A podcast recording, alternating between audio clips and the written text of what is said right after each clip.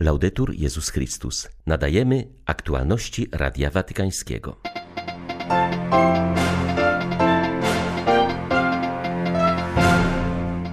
Katolicy i prawosławni muszą dać wspólne świadectwo w obliczu nowych problemów świata, powiedział arcybiskup Rino Fisichella podczas watykańsko-moskiewskiej konferencji z okazji piątej rocznicy historycznego spotkania papieża Franciszka z patriarchą Cyrylem. Stolica Apostolska wezwała do szybkiego i pokojowego rozwiązania napięć w Birmie, gdzie w ostatnim czasie dochodzi do gwałtownych zamieszek. Dziś Światowy Dzień Radia. Związki ze Stolicą Apostolską jego twórcy Guglielmo Marconiego wspomina córka wielkiego wynalazcy Elektra. 13 lutego witają Państwa Łukasz Sośniak i ksiądz Krzysztof Ołdakowski. Zapraszamy na serwis informacyjny. W czasie pandemii uwidocznił się krzyż. Teraz musi zajaśnieć światło zmartwychwstania, mówił arcybiskup Rino Fisichella podczas watykańsko-moskiewskiej konferencji z okazji piątej rocznicy przełomowego dla ekumenizmu spotkania papieża Franciszka z patriarchą Cyrylem. Zdaniem przewodniczącego papieskiej Rady do Spraw Nowej Ewangelizacji podpisana przed pięciu laty wspólna deklaracja papieża i patriarchy okazuje się szczególnie aktualna właśnie dziś, podczas pandemii. Katolicy i prawosławni muszą bowiem dać wspólne świadectwo w obliczu nowych problemów naszego świata mówi arcybiskup Fisichella. Ważne jest bowiem w tych okolicznościach odzyskanie wymiaru duchowego, który pozwoli nadać sens temu, co ludzkość dziś przeżywa. Doświadczenie pandemii wystawiło na ciężką próbę tradycyjne formy przeżywania chrześcijańskiej wiary. Nasi wierni oczekują od nas odpowiedzi mądrej, a zarazem potrafiącej stawić czoła trwodze i lękowi, które budzi pandemia. Nie możemy stanąć ponad tym wszystkim, ale musimy żyć tym w pełni, aby dostrzec nie tylko ograniczenia, lecz również aspekty pozytywne. Na konieczność wzmożonej współpracy między katolikami i prawosławnymi zwrócił też uwagę metropolita Hilarion, odpowiedzialny za zewnętrzne relacje patriarchatu moskiewskiego. Jego zdaniem aktualny kryzys ukazał wiele symptomów braku równowagi w świecie. W takiej sytuacji wspólne świadectwo i działanie jest jeszcze bardziej niezbędne, stwierdził metropolita Hilarion. Na tym etapie naszym wspólnym zadaniem jest danie nowego bodźca do współpracy między naszymi kościołami na polu posługi socjalnej. Zdaniem apostoła Pawła miłość nigdy nie ustaje. Te słowa powinny stać się dla nas imperatywem, który uzasadnia pilną potrzebę rozwoju naszej współpracy pomimo trudnych warunków zewnętrznych i wewnętrznych. Mam nadzieję, że ta konferencja stanie się ważnym krokiem w kierunku zrozumienia wyzwań, na które musimy wspólnie odpowiedzieć w aktualnej sytuacji. 13 lutego obchodzony jest Światowy Dzień Radia. Jego celem jest promowanie radiofonii i podkreślenie jej znaczenia we współczesnej historii. Z tej okazji papież Franciszek podkreślił w swym wpisie na Twitterze, że w radiu piękne jest to, iż niesie słowa nawet do najbardziej zagubionych miejsc. Zdawać by się mogło, że nowe media przyćmiły przekaz radiowy, jednak bez niego prawo do informacji oraz wolność słowa znacznie straciłyby na wartości. Widać to szczególnie we wspólnotach, gdzie radio jest jedynym głosem tych, którzy głosu nie mają. W rozmowie z Radiem Watykańskim wskazuje na to Renzo Arbore, znany włoski aktor, piosenkarz, a u początków kariery dziennikarz radiowy. Ufajmy, że radio nigdy nie umrze. Ono znajduje wybitne osobowości, fantazja jest jego siłą napędową. Moja przygoda z radiem zaczęła się, gdy wszystko było czytane. Potem weszła spontaniczność. Radio jest wspaniałą towarzyszką życia i to jest powód jego niesłabnącego sukcesu. Znam dobrze Radio Watykańskie, które jest symbolem profesjonalizmu i międzynarodowości. Jest ono głosem papieża Franciszka, który trafia do mego serca ze swą misją docierania do najsłabszych i wykluczonych. Podzielam jego troskę o migrantów, ludzi cierpiących w Afryce i o to, by być jak najbliżej najsłabszych. Guglielmo Marconi był człowiekiem, który dał decydujący impuls do rozwoju telegrafii bezprzewodowej i połączył świat za pomocą fal elektromagnetycznych do tego stopnia, że został uznany za wynalazcę radia i otrzymał Nagrodę Nobla w dziedzinie fizyki w 1909 roku. Powiedziała w wywiadzie dla Radia Watykańskiego Elettra Marconi, córka wielkiego wynalazcy. Opowiedziała o wierze swojego ojca i o jego długich spotkaniach z Piusem XI, przebiegających w atmosferze naukowej ciekawości. Elektra Marconi podkreśliła, że ojciec zawsze wychowywał ją pamiętając o wielkim wydarzeniu, jakim była inauguracja zbudowanej przez niego rozgłośni papieskiej, sam Pius XI bardzo interesował się nauką i śledził wszystkie postępy, jakie Marconi wdrażał w radiu. Oto jak wspomina na rodzinne spotkania u papieża.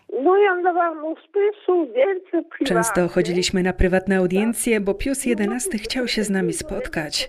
Oczywiście chciał spotkać mojego ojca, ale zapraszał również moją mamę i mnie, małą Elektrę. Wizyty ciągnęły się w nieskończoność, bo ojciec miał wiele technicznych spraw do omówienia z papieżem mikrofale, radio i jego najnowsze osiągnięcia. Pius XI zawsze mnie zauważał, ponieważ byłam bardzo żywa i moja matka musiała trzymać mnie w ryzach. Spoglądał na mnie z uśmiechem i sympatią, a nawet mnie zabawiał. Panowała wspaniała atmosfera. Ostatnią ważną rzeczą, którą mój ojciec zrobił dla papieża, było skonstruowanie przenośnego radiotelefonu, czyli urządzenia w jego samochodzie, dzięki któremu mógł rozmawiać z Watykanem oraz z Castel Gandolfo. Rozwinięciem tego jest oczywiście dzisiejszy telefon komórkowy, ale prototyp był przygotowany dla papieża.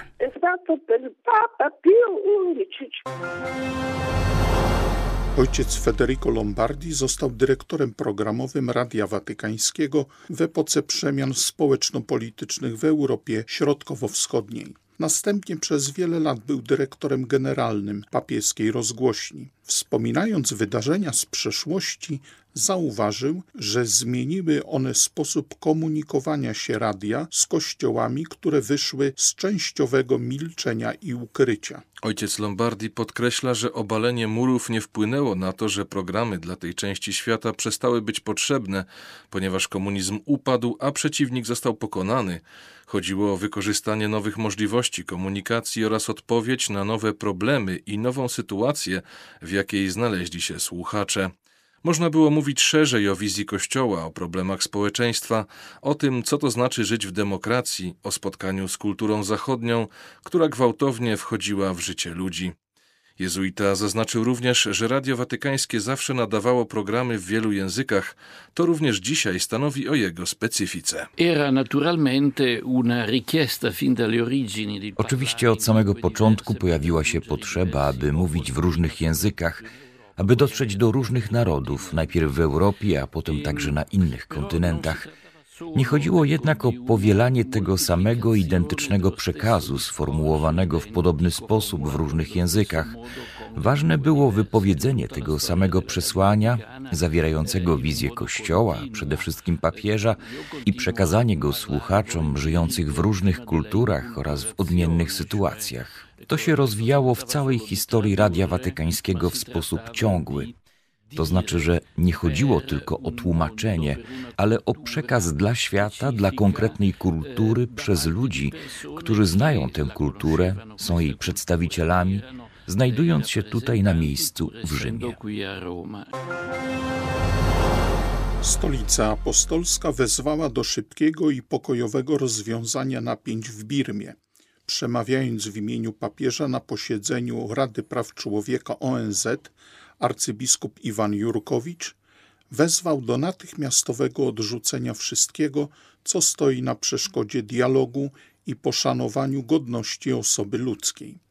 Przedstawiciel Watykanu przy Organizacji Narodów Zjednoczonych w Genewie wyraził przekonanie, że tylko dialog może przynieść rozwiązanie konfliktu i zakończyć łamanie praw człowieka. Zapewnił o modlitwie papieża w intencji Birmy i jego solidarności z jej mieszkańcami. Napięta sytuacja w Birmie była głównym punktem obrad sesji Rady Praw Człowieka ONZ. Uliczne protesty w tym kraju trwają już drugi tydzień. Rozpoczęły się w związku z zamachem stanu, w wyniku którego wojsko przejęło władzę. Ubiegłej nocy w wielu miastach doszło do kolejnych zamieszek, które zakończyły się licznymi aresztowaniami. Szacuje się, że co najmniej 250 tysięcy nieletnich zaangażowanych jest na całym świecie w różnego rodzaju konflikty zbrojne.